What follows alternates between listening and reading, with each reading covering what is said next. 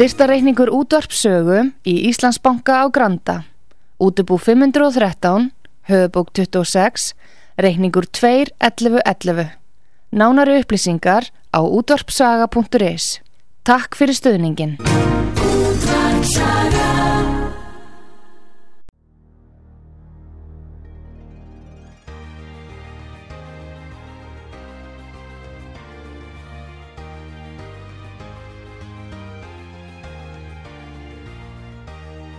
Heimsmálinn í umsjón Artrúðar Kallstóttur. Fréttir og fréttatengt efni af Erlendum Vettvangi.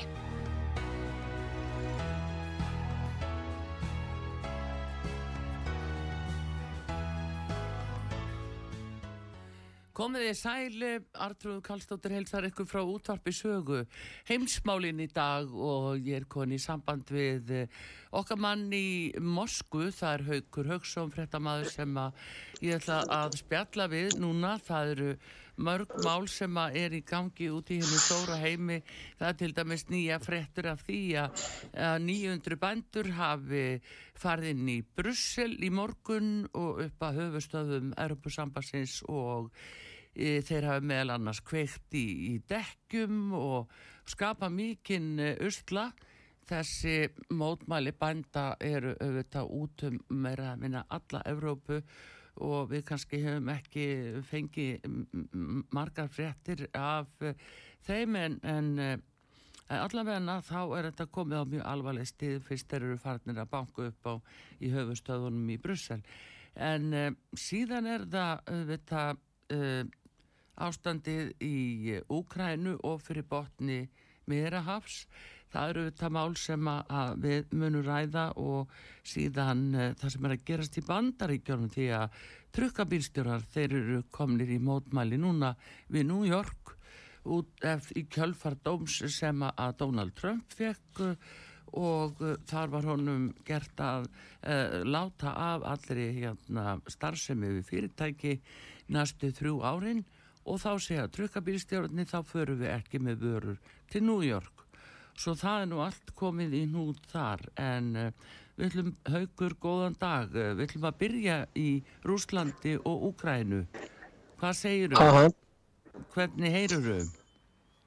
Jú, kontur sæl Artur, ég er nú statur hérna á Rástöfnu og á að halda ræðu hérna en já, ég fekk henni vonandi frestað. En, en hérna allt í fínu og ég uh, heyri bara fint í þér og vona að hlustendur og, og góður íslendingar heyri vel í okkur og ekki veitir af að koma öðrum skoðunum áfram heldur en megin strömsmiðlum. Já, það er nú það, það sem hangir á spýtunni við segjum nú gjarnar meðan aðrið þegar þá segjum við frá. Við Nákvæmlega. segjum það nú hér að útarpi sögu. En haugur eh, svona kannski þetta mál sem að enn hangir svona í umræðinni og, og er hverki leist eh, það er auðvitað út af eh, Alexi Navalny og uh -huh. það er svona spurningin er eitthvað nýtt komið þar fram Já, hann sem sagt, uh, það er búið að aðfenda hans Jarnins Blöifar uh, fjölskyldu Já. og uh, móður hans Galína að hún kom fram með yfirlýsingu sem að sjálfsögða hefur ekki komið í meginströðins miðlum.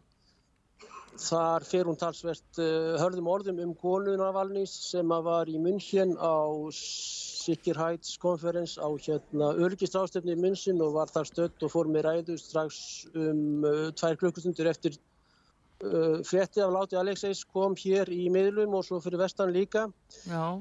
og þau eru vist skilin að borða sæng í fjögur ár eitthvað svoleiðis uh, þau talast valla við, börnin tala ekki við þess við hana, við hana Júlíu Navalnu og Navalna er komið með annað fjölskyldudattar hún er gift öðru manni og hefur verið með mörgum öðrum kallmönnum að soknu sem sagt móður Navalnís og fer mjög hörðum orðum um galinu og uh, auðvitað er þetta tragedía og þannig er fjölskyldu harmleikur líka, börnin, uh, sonur og dóttir, þau eru í mjög vondum tengslum, hún er búin að skrifa allar eigur inn á, sjálf, á sjálfa sig, uh, hún Júlia Já. og erðamál og mennur farin að bítast og rýfast um eignir Navalnís sem hann lætur og mun láta eftir sig og húseignir og annað. Og auðvitað er þetta leiðileg sem það fjölskyldu erjur og annað en já, hún telur rétt að þetta komi fram og segir að, hún, að Júlia sé að spekulera þar að segja svona spekulasjón með nafn Navalnís og auðvitað sirkir hún sinn són en kemur hérna fram með yfirlýsingar um Júliu sem er ekki einu sinni lengur kona hans en náði eitthvað að skrifa inn á hans eignir á sjálfási og virðist alltaf að gerast hans arftæk. Já, Þannig að það eru fjölskyldu erjur. Já, en þá er náttúrulega spurning bara hvernig, hversu langt skilnaður var komin ef það er að borða sangin var búið að ganga frá fjárskiptum það er náttúrulega ja. kannski annar handlegur en það vekur mhm. aðtegli haugur og segir þetta að það var nú kom hér bara í uh, frettum og, og, og allstar á Norðurlöndum einskosti, uh, uh. það var talað um eh, ræðu hennar einmitt á örgisrástefninni og þetta mhm. væri eigin kona Navalny mhm. það var sagt, hún var kynnt þannig Já, það er ekki rétt að hún er ekki einhvern Navalnins lengur og ef að menn far með rangt mála yfirlegur áður þá er það, uh, já, ekki, já, móralt er það ekki, það er kannski ekki lög, lögleisa en móralt er það ekki gott og uh, hún hafi verið erjum, hún, móður uh, Alexei segir að hún hafi verið erjum og komið mjög illa fram við Navalni sjálfan og uh, dæmir hana talsvert hátt, já,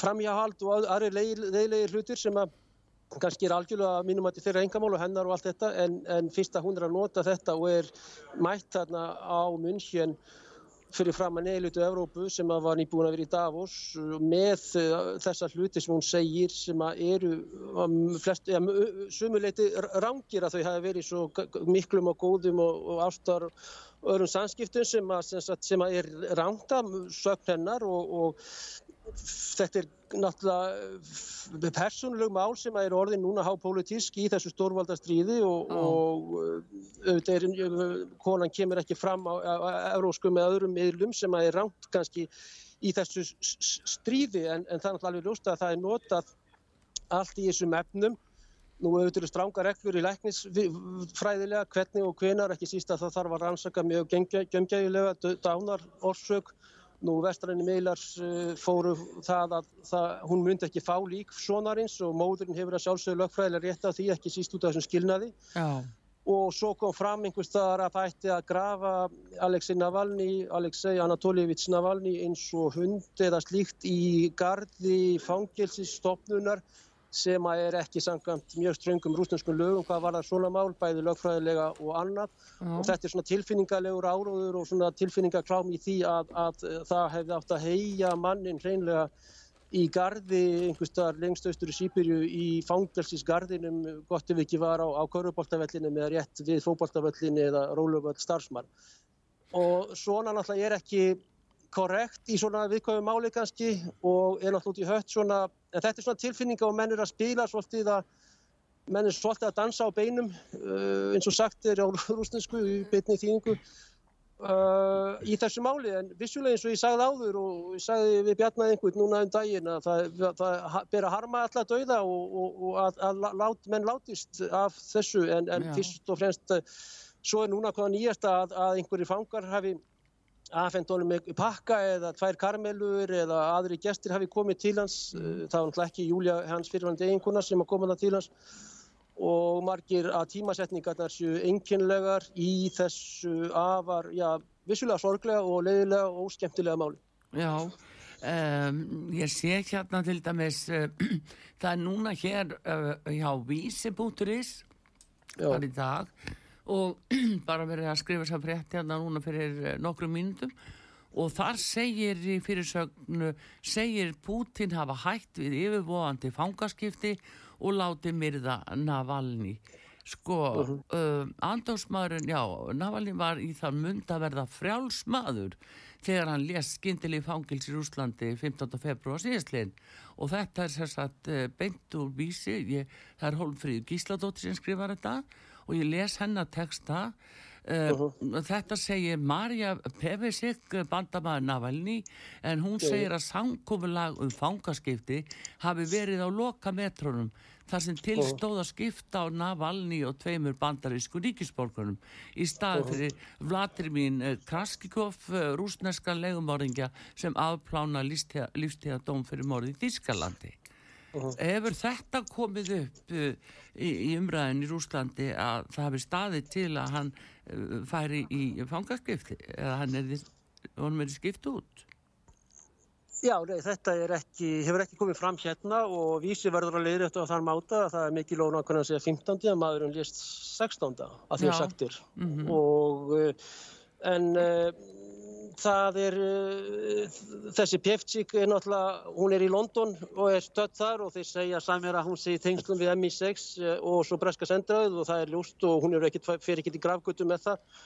Að hún er í nánum tengslu við sérstaklega breytana hérna í, í London. Mm -hmm. En þessi Vladimir Kralísnikov, hann eh, er líklega morðingi sem að draf uh, Grúsjumann sem að var uh, pintaði rúsnarska herrmenn til dauða og ógifir höfuð þeirra og fleira í Tjetjeníu sem að Putin í lókviðtalsins við Tökkur Karlsson, þá myndist Putin á þá fígúru Já. og hvernig hann var já, likvideraður eða, eða tekin að lífi eða sett tekin úr umferð eða drefin reynilega af rúsneskum já, patriót sem að Putin kallar þennan Vladimir sem að núna er í Berlin vendilega uh, já, valla í Spandá en í, í, í fangelsi í Þísklandi með lífstíðardóm. En uh, varandi meira um þetta þá var er Gerskovits uh, þá ætlaði tökkar að fá Putin til að láta lausan Gerskovits sem að Putin segir að sé njósnari og hafi verið afhend uh, tekin með rauðar hendur í því að afhenda ríkislindamál viðkvæms og hernaðalegs efnist til þá síja ég vantilega. Mm. En Tökkar var að reyna að fá Gerskovits greinlega lausan og taka hann helst með sér í flýinu og það, það bendi kannski til ákveðina pólitískra metnaðs hjá Tökkar sem að kannski verður aðstofamæður Trumps eða ráþherra eða vicepresidenti eða hvernig sem það er En þessar tvær fígurur sem þú minnist þarna á, þá er það er greinlega þessu Vladimir Kralísnikov mm. og hinn er, er, er, er hérna Gerskovits, jugoslavnist nafn, sem að var að sögn sem sagt útsendar í Kanana og, og tók þessi lindamál og þeir náð honum við þær aðstöður að hann var með þessi plögg í sínum fórum. En mm. beint aftur að þinn spurningu er trúður að þá hefur þetta ekki komið fram neinstæðar og Marja þessi Pjeftsík, vinkuna og, og samstarfsmanneskja Navalnís E, það er spurning hversu rétt mál hún fer í þessu efni en það að láta drepa mannin tímasetningin eins og framkom líka að látin e, lifandi hafa hann ekkert gildi en, en látin hafa hann gríðilegt gildi til þess að núla út þess að þennan mikla áróðu sigur sem að má segja kannski og neikvægt orð fyrir Putin en þessi sigur info eða upplýsinga sigur í rauninni vegna þess að miljardur manna um það bíl hefur þegar horta á uh, viðtal Tökkars Karlsson við Putin sem að þótti, já hvað maður segja, vandað kannski og ekki síst maður byr sama við bætin og aðra.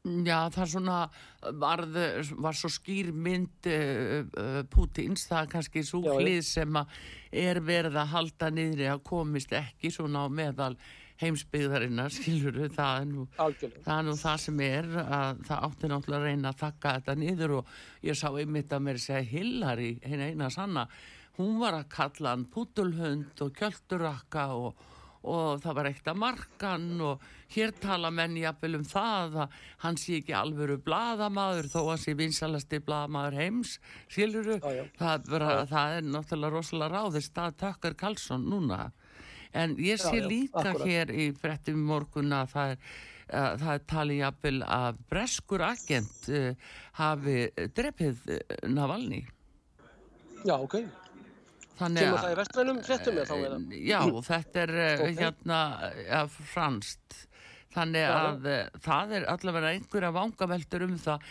hverji gáttu haft taksmunni af því að láta drepan hverjir höfðu hagsmunni og nú veitum við að það eru sko, það er tala mikið núna um að það sé svo mikil hætta á að rúsa ráðist á Evrópu, ráðist á nágrannaríkin og annað.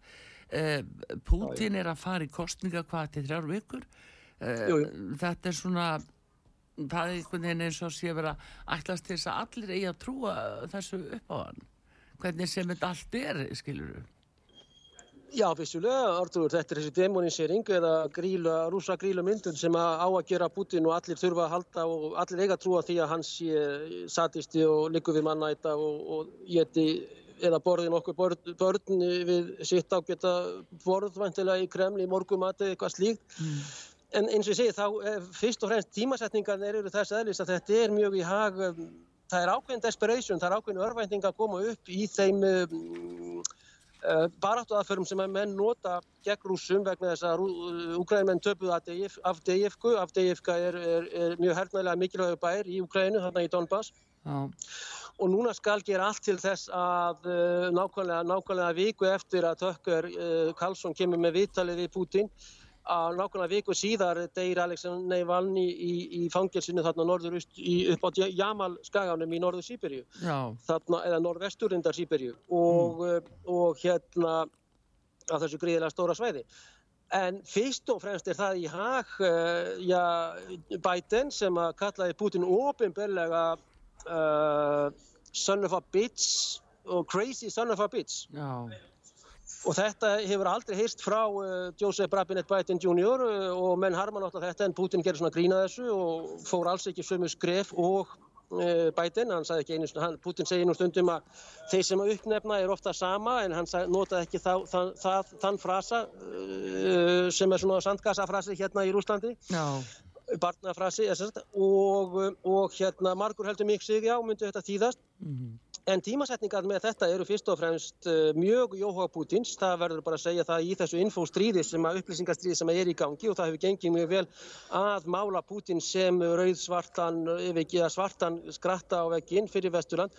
Og margir sem trúa því og, og Hillary hafði ekki séð að hlusta á þetta viðtal en kemur samt með svona Eh, Sandkassa, sko, hann er pútuld eh, hundur eða kjöldur ekki Pútins, hann er ekki bladamæður, right wing press, eða right wing media eins og hún sagði nú reyndar, öfga hægri maður og svona og án þess að hafa setja vital en það, hún, Hillary náttúrulega og kannski Billy, eh, Jefferson, William, eru, hann, hún sko, erum að tala um hana núna, eru hrætt við eða eru svona desperat sko út af uh, það að uh, það kemur þokkalega svona objektíft bara viðtal við Putin í uh, mainstream eða fyrir þá þær miljónir og miljardar sem að hafa núna setja viðtal.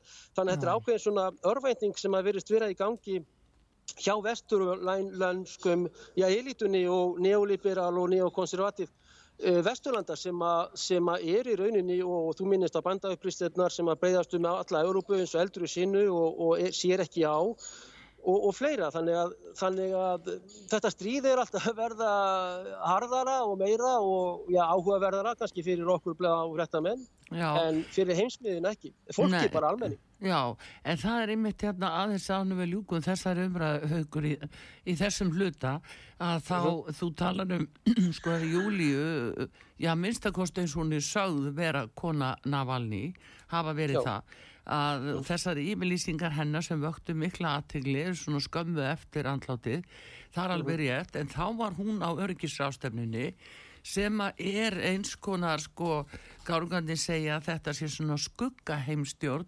vegna þess að markmiði sé að ná heims yfiráðum og þetta verður bara ein heimstjórn við nú talaðum það áður. Og þetta sé svona skugga uh, undirbúnis uh, ja, fundurinn sem að, að fólk kaldi undir merkjum öryggisrástafun en öryggismála. En þarna sé allt annað sem að kannski farið fram. Hvað var hún til dæmis að gera á þessari örgisrástefnu sem er ætlu fyrir forraðamenn þjóða, heilu þjóðríkjana æstu manna Já, hún er mætt þarna bara sama morgunin og það kemur tilkynningum að þennan dag hafi Nalvalni látist sem er 16. fyrstu dagurinn 16. februar og Já. hún er stött þarna og kemur með þessar stóru og miklu yfirlýsingar í ræðu sem að virðist vera Uh, skrifuð fyrirfram eða ok, hún er skrifuð spontant þegar, þegar að fjettin kemur. Mm. vissi fólk af þessu, akkur er Júlia stödd akkurat í München, hann í miðborginni í Bæriserhof uh, hótelinu? Uh, hún kemur hann með þessar yfirlýsingar sem eru strax gegn Putin án þess að nokkra saman er líki fyrir í þessu efni. Og ef að fréttir á í vestrætni pressu eru þess efnis að agentar MI6, MI6 uh, sem er leininþjónusta hennar hátíknar núna er að kalli breytaprins og fjórði er ekki sem að stjórnar breytaríki og með James Bond sem er nú þjóðhutja standi á bakvið þetta sem að mörgum finnst líklegt hvað var þar hérna, tímasetningar og, og, og annað í þessu efni Júlia kemur hérna fram frammi fyrir elitu alheimsins og elita og auðvaldselita, eh, neokon og neoliberal og nýfjálfsíkju og hann er að samtryggja sjálfa sig fyrst og fremst á þessum rástefnum vegna þess að Davos og ekki síst munnkjennar rástefnan hafa breyst mjög mikið í elitu samkómu vegna þess að rússar voru þarna, munnkjennar rástefnan er 60 ára þannig að sovjetmenn voru þarna greinlega á sínum tíma. Já.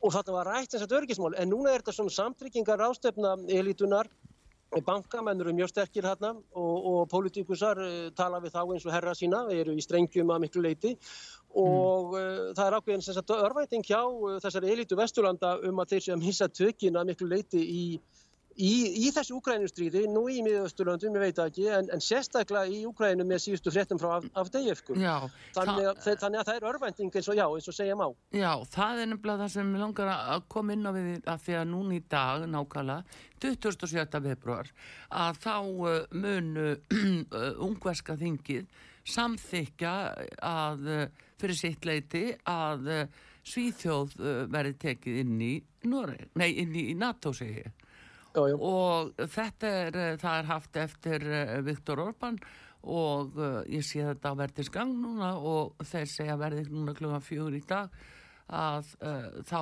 verði þetta frá gengið og Svíþjóð verði komið inn í NATO.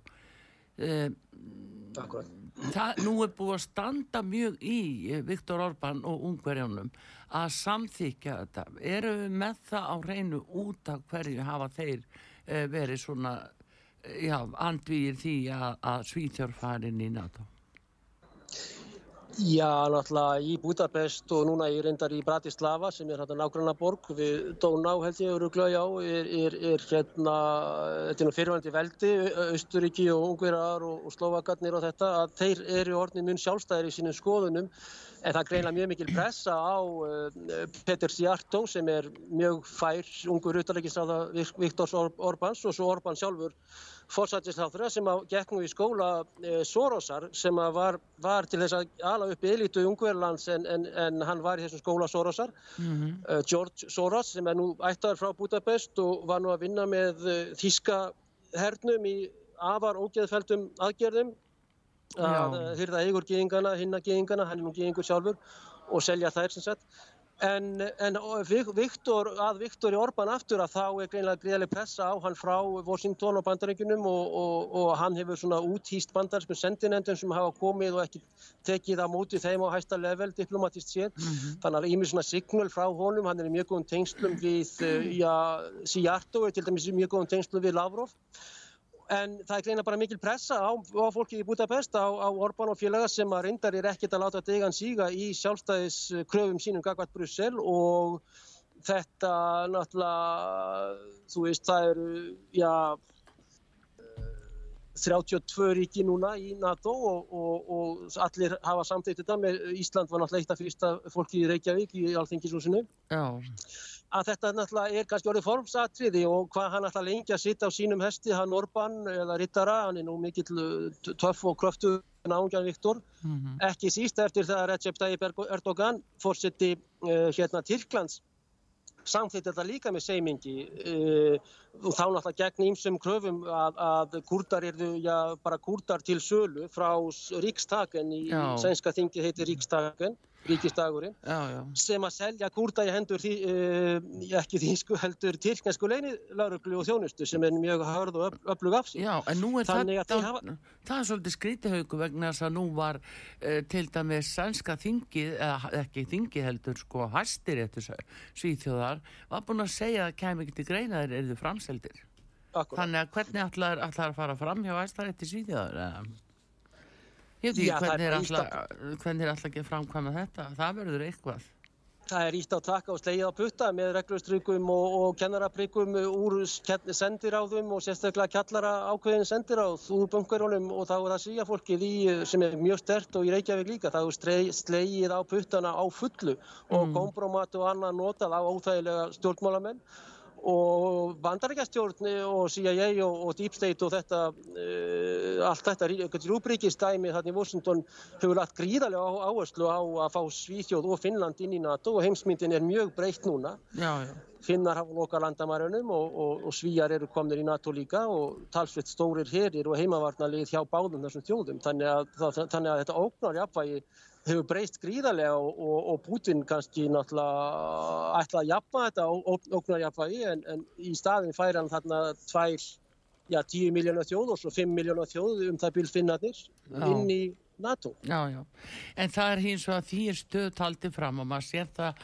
uh, já, svona ekki hvað síst í Norðurlanda uh, fjölmilónum og reynda breskum og það, það, það er stöð talað um núna að það sé rússarni muni ráðast inn uh, í Eistrasaltsríkin þeir eru mhm. núna að undibúa sig fyrir það og hvað þá svíjarnir þeir, þeir fengur 600 herrmenn frá Noregi núna lána og uh -huh. þú veist, þeir eru bara að telja, telja það að rúsa sig að mæta næsta dag Hva, hvað er þetta eiginlega? Hvað eigum við hinn að halda?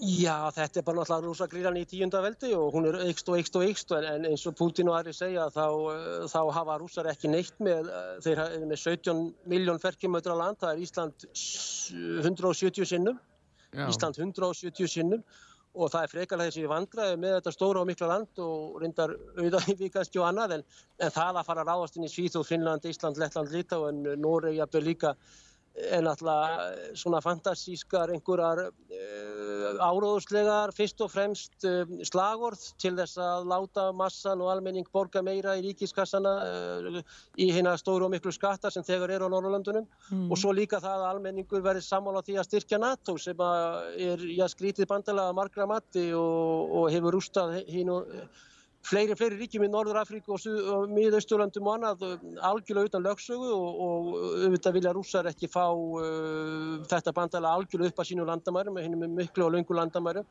En menn hunsuðu það að ræða málin. En, en þetta er svona rússagrílu bara aukin, aukin, aukin og, og Úkræna uh, er allt annað efni, það var búið að vera hérna 8 ára borgarastyrjöld þegar rússar faraði inn fyrir hérna tveimur áram, nú verður það 10 ára borgarastyrjöld. Þarna hafðu dáið 14-15.000 manns þegar að rússarnir fara inn. Og það er aldrei sínt neitt áhuga á því að þeim 15.000 mann næstum því sem hafa búið að drepa og myrka úr lífið af alls konar skrítnum sveitum þjóðurnísan og annara í Úkrænu í öllu Don Donbassfæðinu og þar kemur hestni og vannþekking, uh, já vonandi er þessi vannþekking Uh, meðvituð eða þá bara já, sögulega heimska og ekki áhuga á efninu hjá íslenskum og öðrum pólitíkur sem að sjá ekki hvað hafi verið að gerast í Úkrænu. Plus náttúrulega svo privatisering og, og á allir Úkrænu sem að glæpa hringir eins og Monsanto, BlackRock, þetta er svona hrækama sjóðir investment fund og alls konar glæpa, uh, gósar sem eru þarna og eiga núna jörð og vestmiður í vestuparti Úkrænu. Já. Þannig að menn horfa fram hjá mjög mikilvægum, merkilegum og djúpum hlutum sem að menn, mennum ber skilda til þess að vita og þekkja og kynna sér. Já, en uh, nú sér maður að ég sé í samningnu sem að þeir eru að gera svíjar og ungverjar núna, það sem hangir á spýtunu að svíjarnir lofa að selja ungverjum uh, markvallt meira af uh, herrflugilum og öðru slíku herrútbúnaði. Já, Sabrikin og þetta, já, já, já, ok. Já, þeir ætla að auka það verulega. Þannig að þetta er náttúrulega svo miklir hagsmunir, peningalegar hagsmunir að halda mm. einhverju strís átökum áfram uh, út af vopnaframlegendum og svíjar er nú alltilis framalega þar. Já, já, þetta eru kaup, kaupstata stok, á milli Stokknums og mm. Budapest núna og, og greinlegt að svíjar og sænska vopnarlobbyið og þarna var nú Wallenbergararnir og aðri sterkir af þessum miklu öflugu geðingafjölskyldum í hérna Stokkólmi og eru greiðilega sterkir og núna í einmitt í Sabvikun og þessu en, en, en sænsk hræstni og annan náttúrulega er, er með ólíkjendum að selja vopn til Pakistans, Suður Ameríku, alls konar diktatóra og hunta hingað og þangað og og fleira og, og því miður eru þetta svartir og blóðuði peningar hérna í Stokkólum sem er sapnað saman í sænska banka. Það er nú sænski bankar sem að grættu mikið á því þegar Adolf Hitler og þeir leiftu honum í gegnum upp í norði Noreg, Svíagregin sem, mm. sem að þetta en, en, en það að Svíja síðan núna kom þeir inn, Svíjar og Finnar voru í Partnership for Peace í samstarfi á fríðar félagsskapur fyrir fríð, partnership eh, sem að NATO var með alls konar prógrum. Þannig að alveg ljósta að svíjarnir hefðu aldrei orðið náttúral og myndu ekkert vera það í komandi stríði en núna verður þetta offisjál og rúsa vita þetta og þeir eru hins vegar að auka mjög bæ, bæði kjarnokku og flaugar og herskip og og hérna skriðdrega og aðra drega þarna upp, upp á Kólarskaganum núna sem er rétt hjá Svíþjóð og við hinn laungu landamæri Finnland sem eru 1500 km eða 1400 já, já. finnsk rúsnesku Já, hverjir eru að koma með það segiru? Þa, það eru rússar eru núna að auka mjög sín viðbúnað við þessi laungu landamæri svo er þarna þessar 100 eh, eitthvað kilometra við Kirkenes þarna uppi Já. við Noreg sem að fólk er mjög bara sátt og hellingur af rúsnesku student hérna bæði túristum og öðrum sem voru í Kirkenes já. og göttunöfn og annað er á tveimum tungumálum já, já. En, en til dæmis finnsk-sovjesku landamærin og finnsk-rúsnesku landamærin allt 30 og já þessi 34 ár uh, finnsk-rúsnesku eftir nýja Rúsland mm. og þetta voru gríðalegir veðslu viðskipti, túrismi rútuferðir, pétursborgarar fóru þarna að kaupa í matinn. Finnarnir fóru koma að kaupa vodka, bensín og síkaretur og það voru kallað vodka turist, eh, finskir turistar sem fóru mikið til Petersborgar í alls konar uh, skemmtun og gleði og gleði húsvorun og þá og já, eru válega stenn það, það var meira, meira hérna nýjunda þegar allt var í, í hundi og getti hérna í Rúslandi. Já. Að Finnarnir komu mikið, mikið yfir og rússarnir fóru mikið til Finnlands, meira ríka fólkið en ég er bara almenningu líka að kaupa, kaupa þarna finskar einhverja vörur en, og rúsa, eins og ég segi þá var það vodka, vodka, tveir vögvar, vodki og bensín og svo síkaretur sem að voru miklu ótyræri en nú er þetta allt í hard skellt í lás af nýju, af já, Sanna Marínin og Farin og Matti Orló ef mann rétt heitir nýtt fórsættisáður svo náttúrulega Silja Ástani já, hann fórseti mm. að þetta er stjórnvöld í Helsingi eru algjörlega að loka á og fyrst og fremst með efnahag Finnlands sem að núna verður uh, útnára svæði á Európa-sambandskortinu uh, og útnára svæðin eru illa stött og, og umslögin streyma til Helsingi og umslög með ymsu í. Uh, ég ætla ekki að ræða meir um partygöl í, í því efni. En, en, en hérna það er ekki korrekt en allt þetta uh, svona grína líka. Að uh, Finnland er orðið út af sovjetviðskiptunum að missa þau uh, er orðið uh, hérna uh, dónor en ekki sponsor. Þar að segja að þeir eru, orðið, eru núna komnir í einhver svona umingjalega stöðu eins og Ísland á að fara í að segja sig á sveitina í Brussel Já, og það já. gengur vel og ég veit ekki hvað finn, finn, finnskum almenningi er, er um þetta en ég veit ekki hverju margi voru spurðir að þessu en það eru einhverju menn sem eru æstir í það að, að, að fara í stríð við rúsa og það mun ekkert enda uh, Mannerheim vissi það nú sem að læriði nú í hefskólum og var í Pétursborg Já en ef að rúsarnir eru núna segiru að, að uh, vopvæðast meira þannig á, uh -huh. á, á hvað það eru kólaska hvað það Já, já Kareli Já, að hafa er þá ekki ástæði til að ætla rúsandi séu bara farin er Já, það ekki skýringin á þessu? Já, ég skil þína spurningu en ég, ég, þeir segja það vera hjá bæði hernamálaráðinu og svo fólki í Kremla að þetta sé fyrst og fremst ef að árás kemur frá Finnlandi á þessum laungum miklu landamærum mm. þá munum þeir svara strax að mjög miklum krafti til þess að reyka Finnuna aftur heim sem að vilja hefna vetrarstrísins uh, sem er hérna 38-39 og rétt mm. fyrir stríðið hinga svo voru nú Finnandi með þjóðverum að umkringja Leningrad mm. þar sem 1,1 miljón lést borgarbúa þar á meðal bróður Pútins Viktor og, um, og Viktor lést 42 og Putin fættist 52 Já. og Viktor var fættur 40 eitthvað sluss, hann var tekja ára þessi ja, gutti sem að Putin alltaf sá aldrei. Að, að, að þá munir rúsa svara fyrir með mjög miklum krafti ef að eh, NATO flotarnir fara í það að blokkera Kaliningrad, Königsberg áður Uh, síðan myndu þeir fara í einhverja aðgerðir hérna upp á Leningradsvæðinu og, uh, og, og inn í þá Kirjálabotna, Karelíu og inn á Kólaskaga, Múrmansk og Arkangelsk að þá munir rússar bara bombardera mjög harkalega inn á finsku skóana og þeir mm. segja fyrst og fremst að, að það sé ekki ætlunin að ráðast inn í finsku skóana eða byrja annað vetrastriðið, sumastriðið eða voru eitthvað sem það nú er heldur fyrst og fremst að þeir hafi móralskan, lögfræðilegn og annan uh, rétt á því að setja sín vokk á óvinnveitt landamæri sem að mínu mati svona objektíft sétt er uh, eðles, eðlilegt svar við því að nákvæmnaríkið fyrir inn í mjög fjandsamlegt uh, að þeirra mati og, eða hostile sem, sagt, sem er ekki vinnveitt uh, hernaðarbandala sem að NATO, North Atlantic Treaty Organization, er vissulega og þeir horfa líka á Rústund, Líbíu, Sýrland átt að vera, þeir björguðu því, mm. uh, Afganistan og Líbíu og, og, og hérna Íraks sem að NATO með algjörum uh, eins og fýllið postulinsvesmiðu ef ekki verra var við þegar mjög veik Sovjetriki voru þar að segja á síðustu árum Gorbatsjófs, uh, Írak 1.90 og síðan Írak 2, Írak 3 sem Ísland tók þátt í, síðan Afganistan og, og síðan sem sagt Líbia 2011, voruð 2011 sem að samfélkingin tók mjög móralskan og sterkan og allt þátt. Já og vinstri grænir. Já, auðvitaðrikis armar þessara vinstri flokka og össur, félagi össur og aðri góður. Svo eru menn, hérna, svo eru menn of seinir að funda með Lavrov í Ístanbul. Þetta er alltaf, einhverju, hæ, hæ, hæ, ok. Já. Það mæti ekki að funda mæti og seint og auðvitað Lavrov bara fyrr. Já, já, það er nú það sem er en hérna... Já, já. En það er einmitt haugur, við ætlum að ræða þetta og fleiri mál við þig, bara núna á eftir, við ætlum að fá auðlýsingar hér á útvarpisögu, höldum áfram í heimsmálunum og uh, meðan aðri þegar þá segjum við frá hér á útvarpisögu sem verði vörfið, en þetta eru heimsmálin. Artrúð Kallstóttir að tala við Haug Haugsson í Moskvu. Já, komið þið sæl aftur heimsmálinn hér á útvarpi sögu. Við erum í beinu sambandi við Hauk Hauksson í Moskvu sem er stattur á rástefnu. Haukur, þú ert þarna ennþá ekki farin upp í ræðupúlt eða hvað?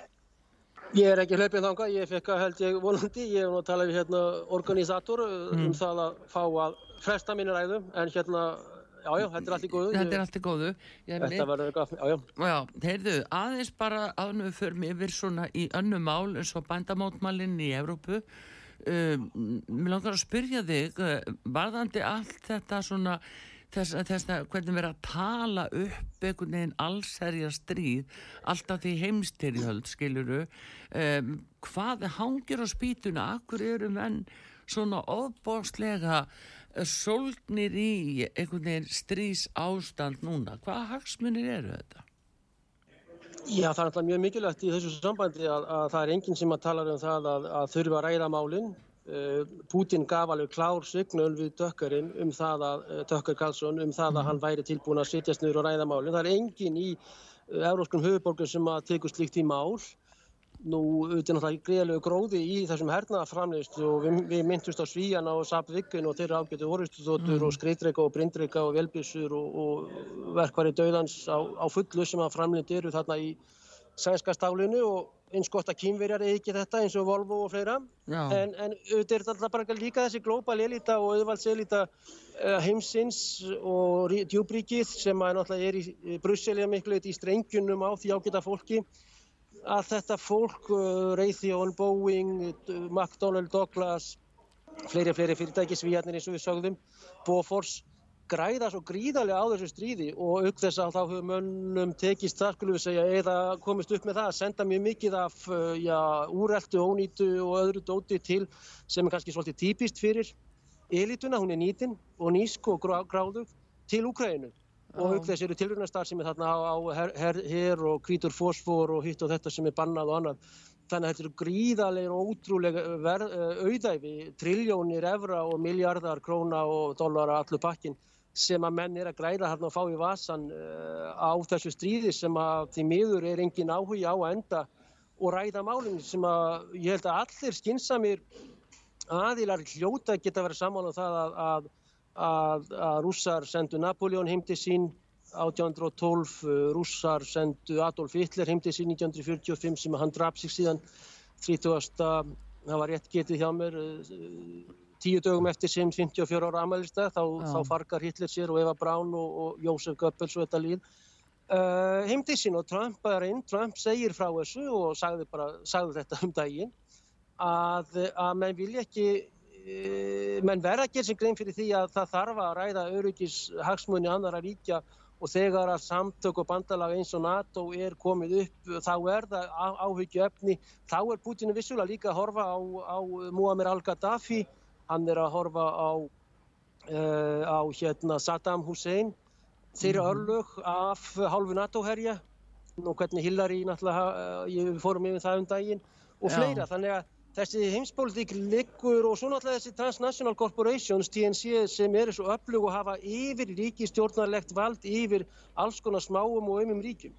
Já. og peningarnir í þeim kreðsum, þetta er ákveðinni, þetta er mjög ríkt og gráðut fólk sem að líður einhvern veginn ítla en vill ekki setjast niður og ræða málinn sem að mínumættu og margra annara vegna þess að rúsarnir fara bara vestar og vestar og vestar því lengur sem að hingar viðræður er í gangi. Nú Boris Johnson fer sérstaklega til Ístanbul til þess að láta Selenski ekki skrifundu samningaviðræður. Og rúsarnir draga þá sína hér í þarna frá Kíf og, og öðrum stórborgum þarna frá norðrinu og, og allir austur, austur uh, norðaustur-Ukraín út af því að reyna að koma samningalagi í Kíf sem að mm -hmm. Boris Johnson bannar Vladimir Zelenski að skrifa undir og gera samning. Það er starrind og Boris hefur sagt þetta sjálfur. Já. og Boris Johnson, hérna bara þetta með Boris að Trump, Tucker baðum viðtal þá heimtar hann miljón dollara. 140 miljónir króna í bitcoinum, gulli eða einhörðum dólarum Boris Johnson, hann Já. er ekki alvarlegri í pólitíkus en þetta. Þetta er svona hálfgett vændi að Putin fekk ekki eiri Nei, en hann náttúrulega Ótrúið. sko, þú voru aðtöða með Boris Jónsson hann er eiginlega orðin personón grata núna, hann var rekin út Já. af breska þinginu með skít og skömm fyrir að ljúa bresku þjóðinu út á COVID og öllum þeim blekkingum og inn í lókunum sem því fylgdi það alveg hrunið að vonum gullið, satt að segja haugur, en það var náttúrulega hann sem stoppaði e, sáttaumleitanir og bara samninga sem voru að nást þarna fljóðlega eftir að, að innráðsum var gerði í Úkrænu þá var það Boris Jónsson sem sagði við Selenski nei þið semjið ekki við Putin. Algjörlega. Hann stóð hálf drilltur mannst út á torkinu niður í kýf og, og baraði út höndunum og, og kallaði á fjölmil og sagði nei þið semjið ekki. Já, já og þetta var líklegast með umbúðið Antoni Blinkens og, og Bidens eh, sem að Boris Johnson fer þarna og náttúrulega fyrir fólki í London líka. En rúsarnir fara þarna inn til þess að neyða útgrunum en að samningaborðinu sem er, eh, Recep Erdogan uh, gerir síðan þessa samninga í Istanbul Já. í Miklagarði.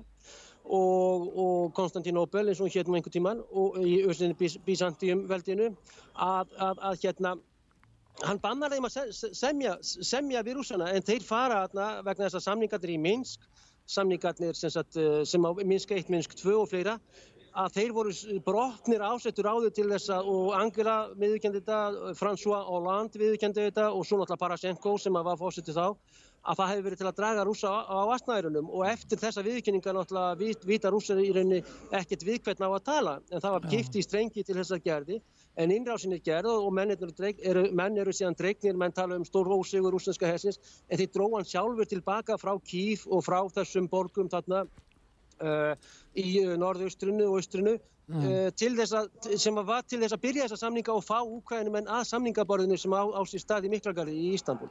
Já.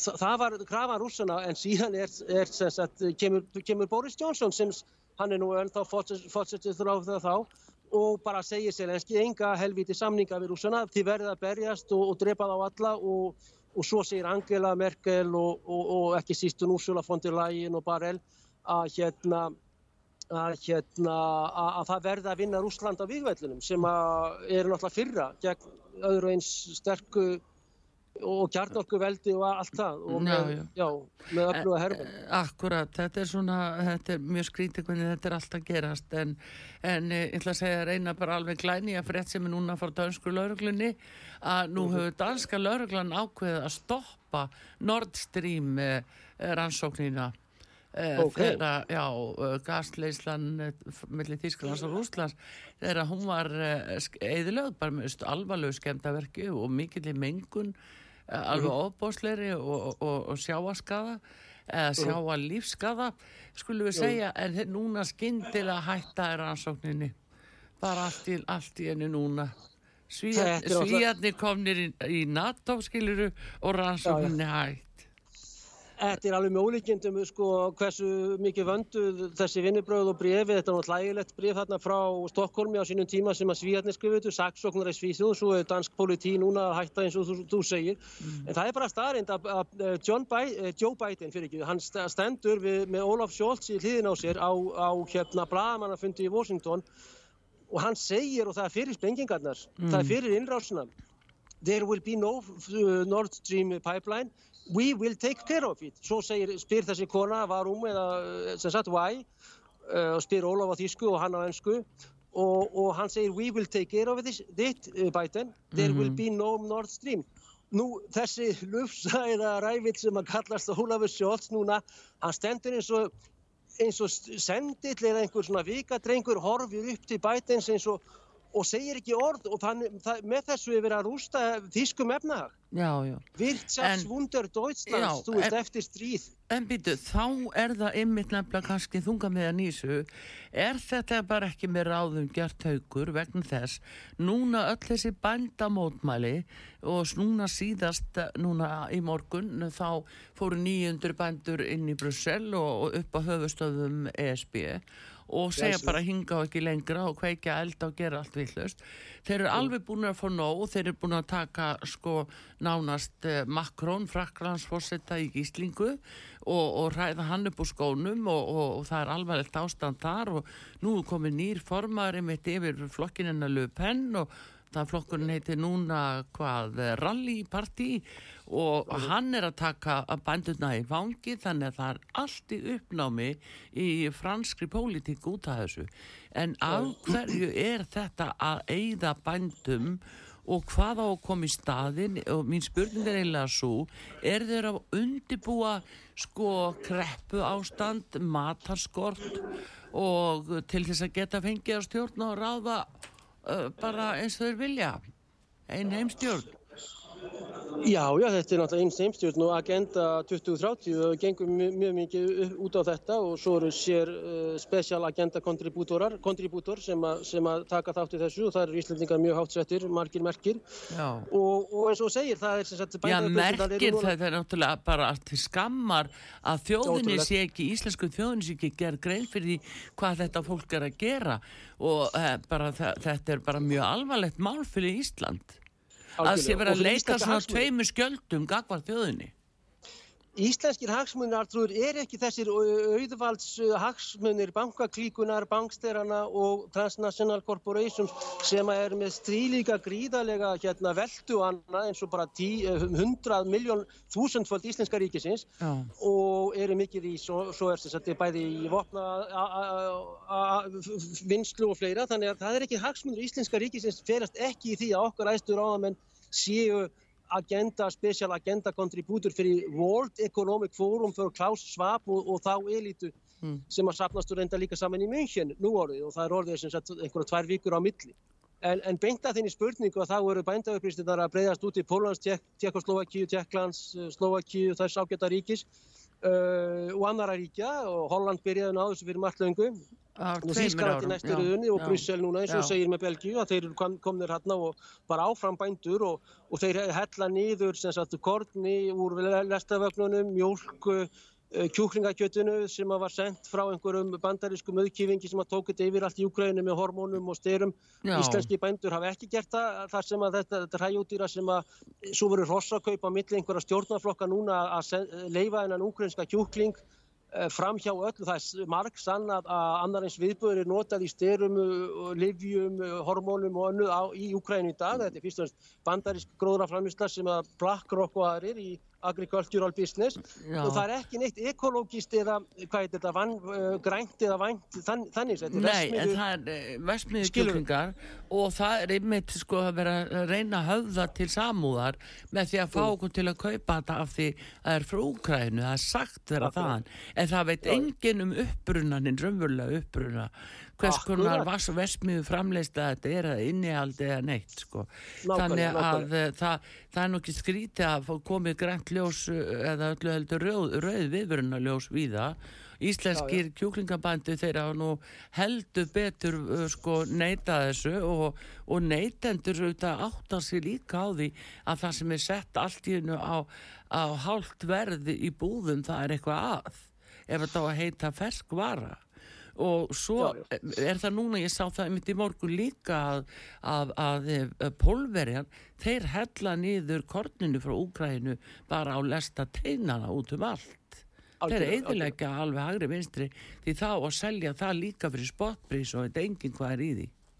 Það veit enginn hvað er í því og svo er þetta algona sjúkdómar og annað. Og það er ekkert eftir í Úkræðinu sem er spiltasta ríki veraldar. Já, Sómalía, hún bliknar held ég við hlýna Úkræðinu, þetta er algjör svartól af og þessi peningar og vopn, þetta er komið, það talir að eitt þriðji eh, komist til Úkræðinu, 66% á aðra staði jafnvel.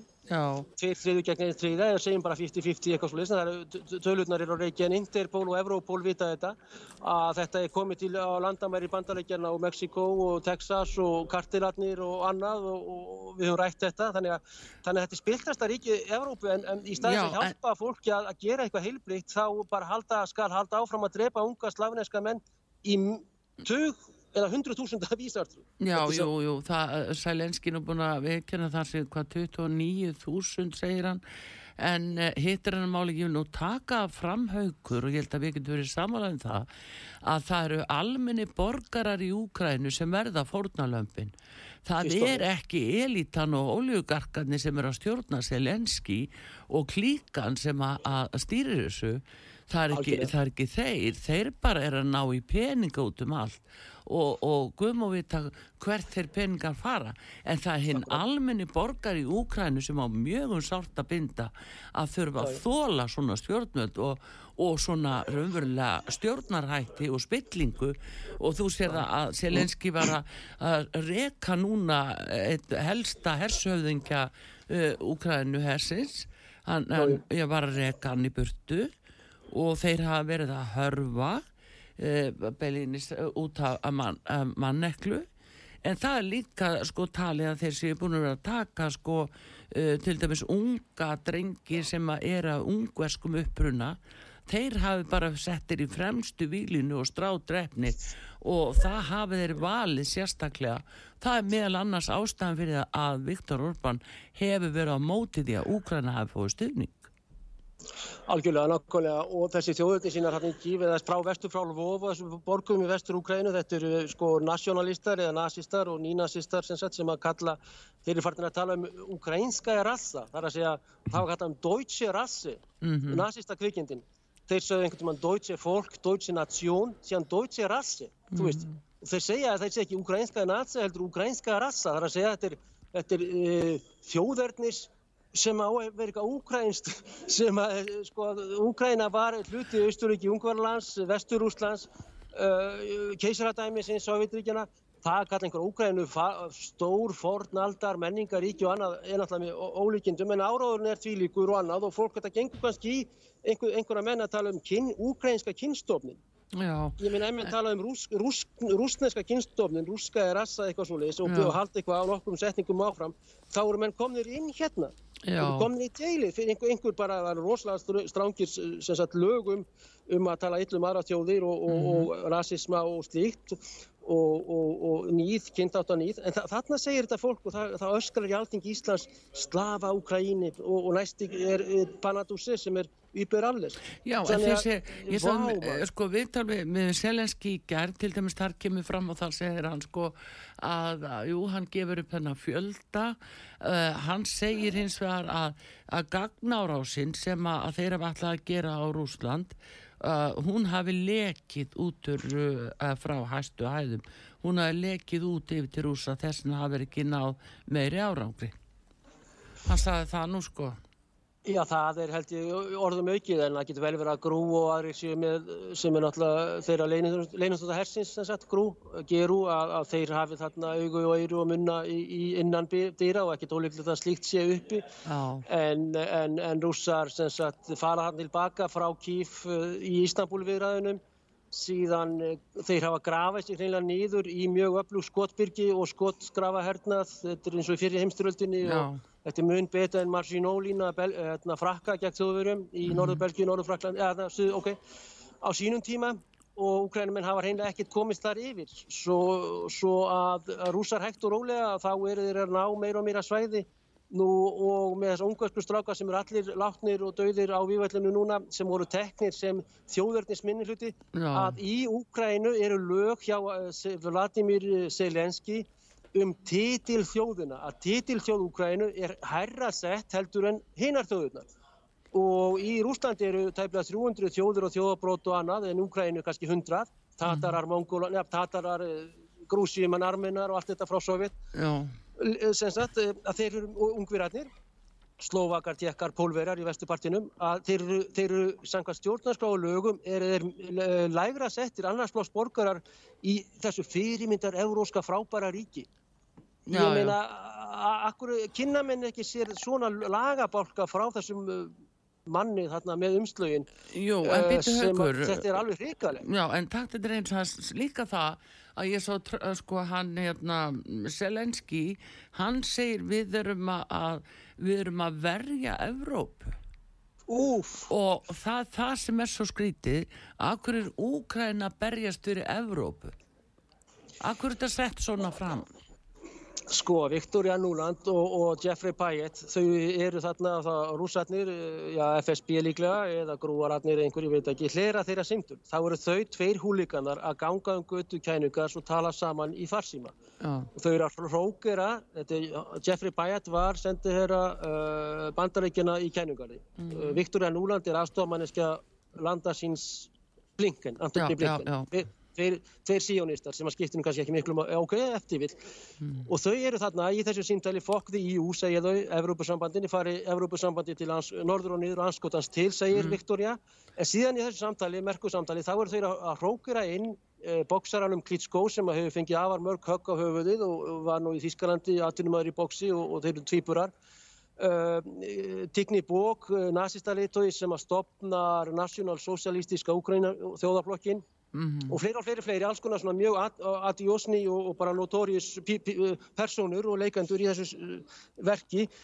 Og, og sem sagt e, og þau tvö bandarískir ennbætsmann er ákveða það í þessu símtæli, þau, ekki, þau, þau tala náttúrulega ekki saman meira í farsíma hérna austur frá og rétt við rúslandsku landa, eða stutt frá og Kvítarúslandi mm -hmm að þá eru þau hreinlega bara að hrókara inn og út alls konar mjög skrítnum típum í verðandi ríkistjórn, í verðandi borgarstjóra í Kíf og á allir í Úkræn.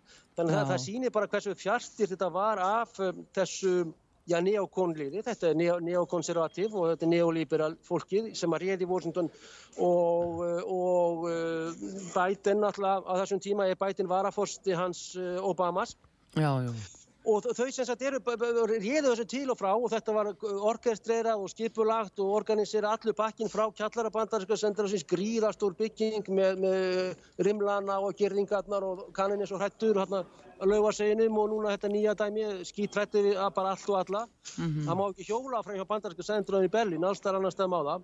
En Uh, að, að hérna rókra inn og út alls konar svona krimmum og sérstaklega í því að engavæða og ólíkarkisera þetta lengra en Úkrænumenn komist aldrei inn á það bíl sem að Putin gerir frá 2000 að losa sig við ólíkarkana.